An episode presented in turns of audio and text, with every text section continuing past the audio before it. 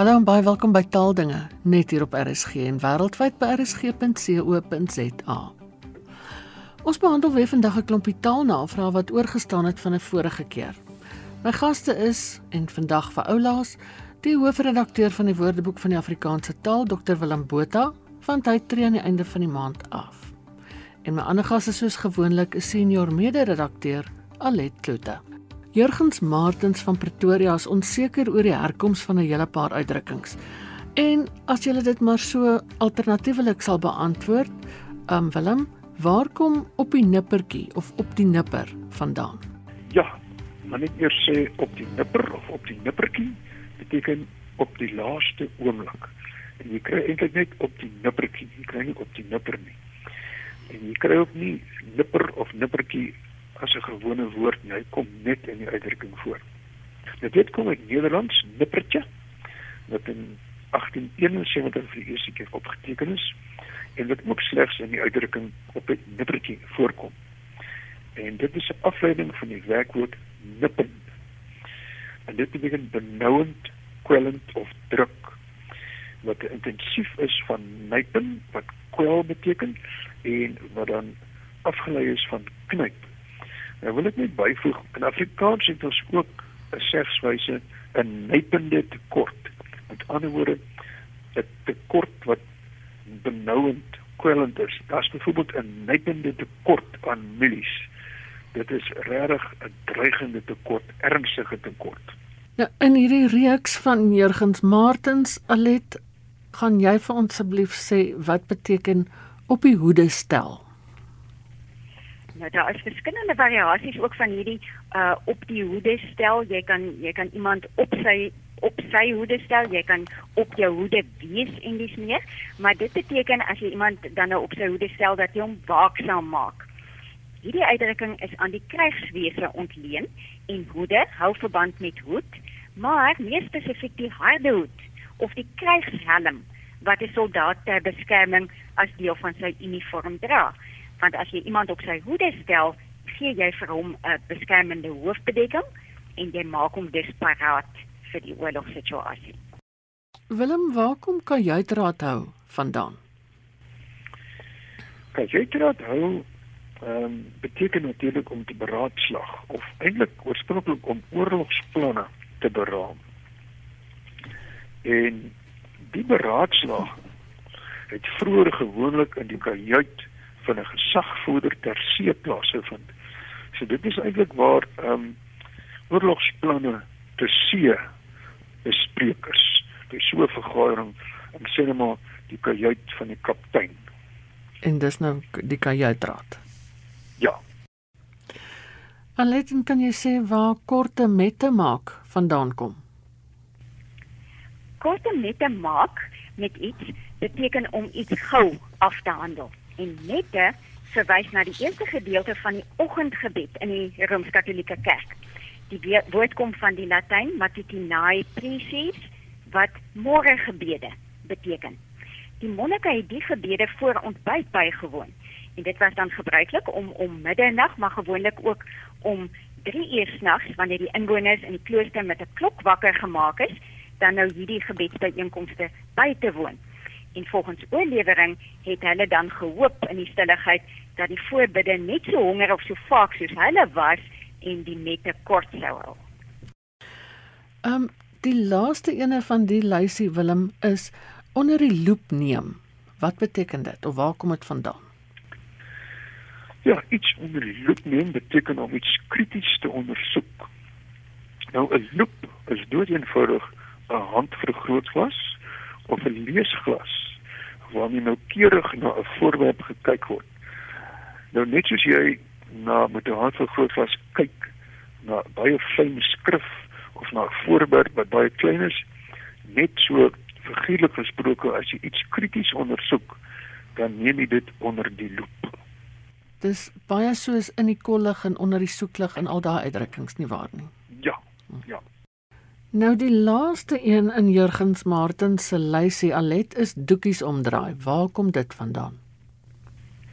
Hierdie ene is nou nogal nie so moeilik om te af te lei nie, want doekies om iets draai beteken om iets weg te steek. En wanneer 'n mens net doekies omdraai, nie dan praat jy reguit op die man af. En die beeld wat 'n mens dan nou hier in jou kop het is soos van 'n verband wat jy om 'n seerplek draai. En hier gaan dit dan nou net om iets figuurliks wat jy wil verberg. Willem Drude Kok van George vra 'n baie interessante vraag. Hy sê: "Verklaar asseblief die volgende: Waarom praat almal van die Parel en nie net Parel nie?" Hy sê verder: "Ek bly in George en nie die George nie. So waarom kom waarom praat almal van die Parel? En ek dink mense kan dit uitbrei na die Vrystaat teenoor Gauteng wat ook nie 'n die aan het nie. Ja, kom ons hanteer eers vir Parel. Hmm. Die eenvoudige antwoord daar is dat George was nie eers 'n soortnaam nie. Maar Parel is ook 'n soortnaam. Met ander woorde, die edelgesteente wat rondom 'n sandkorrel of ander voorwerp gevorm word in die see. So dis oorspronklik 'n soortnaam en nog steeds 'n soortnaam, maar dit word ook as eie naam gebruik. Maar jy kan nie sê 'n parel nie. Dis net die parel. Die soortnaam met ander woorde, die selfstandige naam wat 'n gewone ding benoem, hy word nou 'n eie naam en daarom kan hy nie 'n neem as lidwoord nie. Maar hy behou die lidwoord die omdat hy oorspronklik van 'n van 'n soort naam kom. Hy word nou 'n naam van 'n dorp, maar hy behou die eienskap dat hy die lid voort het. Net so met strand, dis ook 'n doodgewone soort naam. Ek loop op die strand en toe noem hulle die dorp langs die strand ook die strand en hy behou sy soortnaam status in die opsig dat jy nog steeds die lidwoord vooraan plaas. Maar net die, jy kan nie 'n vooraan plaas nie want hy's nou 'n eienaar. Ja, dit is nog altyd 'n interessante ding dat mense maklik net sal praat van parel en dan kan mens net aanvoel dis nie reg nie. En dan maar nog erger dan praat van parel. Ja. Wat natuurlik reg is in 'n sekere sin dit kom van Nederlands parel en parel van groot waarde.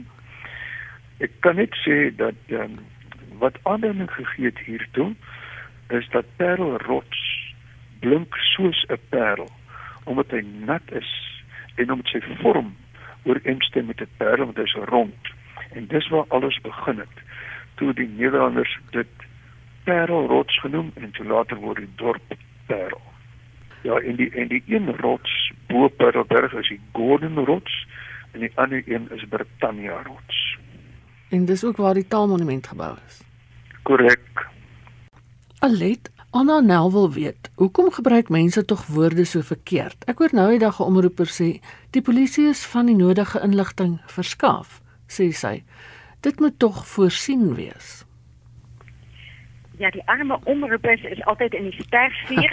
ja. Dit is nou maar omdat hulle ehm um, so in die, in uh op die radio gehoor word. En maar in essensie beteken voorsien en verskaf dieselfde. Want 'n mens sou kon sê Eskom voorsien krag of Eskom verskaf krag en dit is nou maar net 'n hipotetiese voorbeeld. Maar die verbindbaarheid van die woorde verskil. Verbinding soos voorsien van en verskaf aan is vaste kombinasies van woorde. Hulle word ook saamgebruik. Ons noem hulle kollokasies en hulle behoort vir die moedertaalsprekers van Afrikaans reg te klink maar nou is daar ongelukkig die situasie dat moedertaalsprekers nie meer genoeg idiomatiese Afrikaans hoor nie. En die rede daarvoor is nou 'n gesprek vir 'n ander tyd. en dit het tot gevolg dat die verbande versvaag en dat die kombinasies dus nou deurmekaar loop. Dit moet wees die polisie is van die nodige inligting voorsien of die nodige inligting is aan die polisie verskaf. Willem Paul Visser vra, waar kom die woord kookstertjie vandaan? Ja, eers 'n koeksterk. Almal ken seker die koeksterkie, maar kom ons gee maar die definisie. Dis enigiets van verskeie soorte kleinerige insekvrekende voeltjies wat veral naby water woon. Nou dit kom uit die Nederlandse koekstaart of koekstaartjie. Nou die Nederlandse koekstaart is 'n samestelling van koek wat lewendig beteken en staart wat sterk is. So dis dan eintlik die voeltjie met die lewendige stert. Die voeltjies word so genoem omdat hulle lang, dun stertjies baie beweeglik is en voortdurend op en af wip. Nou vanuit vroeë Afrikaans is dit ook in Suid-Afrikaanse Engels opgeneem. Dis baie interessant. Ek weet natuurlik glad nie hoe lyk 'n kookstertjie nie. O, dis 'n mooi klein voeltjie. En hulle hulle is baie huishoudelik. hulle stap sommer in jou kombuis in. O. Oh. Ja, en dit is juist die probleem. Hulle dan ehm um, gif opgepik eh, saam met kos en, en so klas sal eintlik ons moes hulle red van uitwissing 'n paar dekades gelede. Ehm um, Anita Swart van Mosselbaai wil weet waar wat die maai in jou maai afsukkel of werk beteken en of dit enigsins verband hou met die maai in Tamai. Alet? Nou die maai in jou maai afsukkel of werk of ons sê hier in die Kaap sommer jou maai afsukkel of werk of in jou maai vlieg, in jou maai vlieg kom uit die Portugees. En die woord is M A I e maai en dan is daar 'n tilde op die A op die vokaal en dit dui nou aan dat die vokaal genasaleer moet word. Met ander woorde, deur die neus uitgespreek moet word. Hierdie Portugese woord beteken ma in Afrikaans. En omdat 'n ma-kind verhouding die uiterste respek behoort te veronderstel, word jy in jou diepste wese gekrenk wanneer iemand jou in die naam van jou ma as dit ware beledig. Kaapse Afrikaans het ook sy eie kwota van hierdie uitdrukkings wat ek nou nie oor die lug gaan herhaal nie. En dan kry 'n mens ook 'n platter alternatief vir my, naamlik moer, wat insgelyks moeder in uh, Hollands Nederlands beteken. Dit hou geensins verband met die maai in Tamai, want Tamai wat buitengewoon groot beteken, kom uit Maleis Portugees, Tamanho, en dit gaan weer terug op Portugees Tamanu wat baie groot beteken en dit het uiteraard dan nou niks met ma te maak nie. Hmm. Ja, dis nog 'n interessante een, veral die soos jy sê die platter weergawe wat mense dikwels hoor. Ja. ja. Ja. Nee. Willem Johan van Kaapstad wil weet wat beteken kooksoties. Nou ek moet sê ek ken dit ook glad nie. Jy sal as ek nou met jou gesels, dan sal jy agterkom dat jy dit wel eintlik ken. Nou kooksoties beteken naïef, onprakties en onrealisties. Ja, dit kom waarskynlik uit die Engels quixotic. Nou die eienskappe wat hier genoem word, verwys na Don Quixote, die romantiese held in die verhaal van die Spaanse skrywer Miguel de Cervantes. En ou Don Quixote het met hoogmoedige entoesiasme denkbeeldige ideale nagestreef. Hy het selfs ook windmeulens storm geloop met sy perd en spies. En dan het hy 'n uh, klein boertjie opgekommandeer uh, voor hy op sy togte uitgegaan het en sy naam was Sanko Pancha. En Sanko Pancha het 'n heerlike aardse humor gehad en dit sorg nogal vir heel wat uh, ligte oomblikke in die roman. Alet, ehm um, Aria Welman sê ek hoor dikwels hakkie wanneer dit hakkie moet wees. Verduidelik tog die onderskeid asseblief. Nou hier is is dikwels onsekerheid oor oor die gebruik hiervan. Hakkie is die verkleiningsvorm van hak. En dit is dan nou die hak van 'n skoen of die agterste gedeelte van jou voet. En 'n hak is die stamklinker kort en beklemtoond.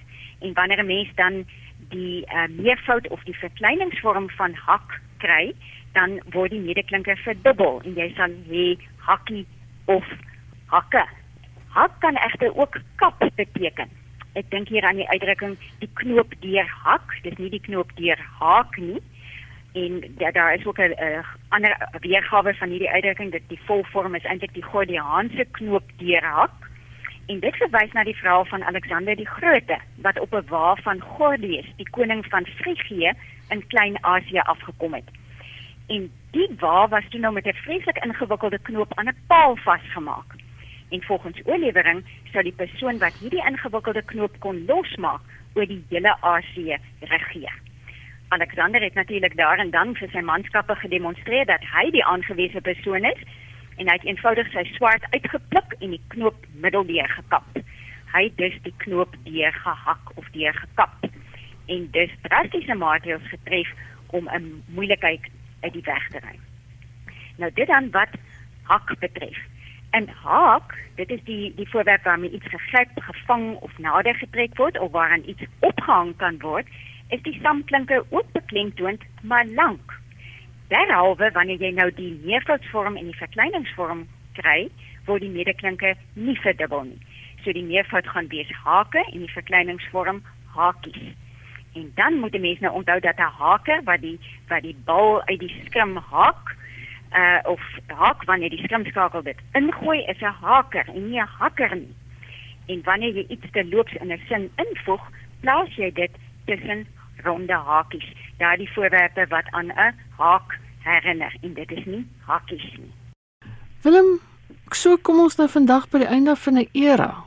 Jy was 18 jaar by taalnavraag betrokke en nou tree jy af. Ja, ek kan dit skaars amper glo. Ehm um, you know, maar dis maar wat enige iemand so daar kom 'n tyd ehm um, wat jy moet oorskuif na 'n nuwe era in jou lewe. En dit was vir my net lekker. Dit was altyd net lekker om deel te wees van taaldinge. Ek het nog begin met die tale wat ons praat en ek dink in jou tyd het dit taaldinge geword, né? Ja, ja. En regtig ek ek dink dis 'n program van groot waarde, moet ek dit nou self sê. Ons hoor van soveel mense wat sê maar dit is vir hulle 'n besondere program en daai eer kom jou ook toe. Ehm um, want jy het 'n manier om dit aan te bied. Ehm um, wat dit baie aantreklik maak vir die mense. Wanneer jy ook vertel wat jou ervaring is van 'n woord of 'n uitdrukking. So baie dankie vir jou Ina en baie dankie vir my kollegas wat saam met my gewerk het.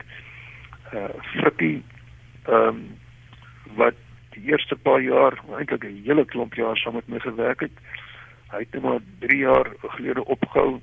So baie dankie aan Frikkie en baie dankie aan Alet wat uh, nou ook al so 2 jaar saam met my werk. Baie dankie aan almal en baie dankie aan al die luisteraars. En dankie vir almal wat vrae instuur. Sonder julle is daar nie 'n program nie. Absoluut. En ek wil ook net sê Willem baie dankie.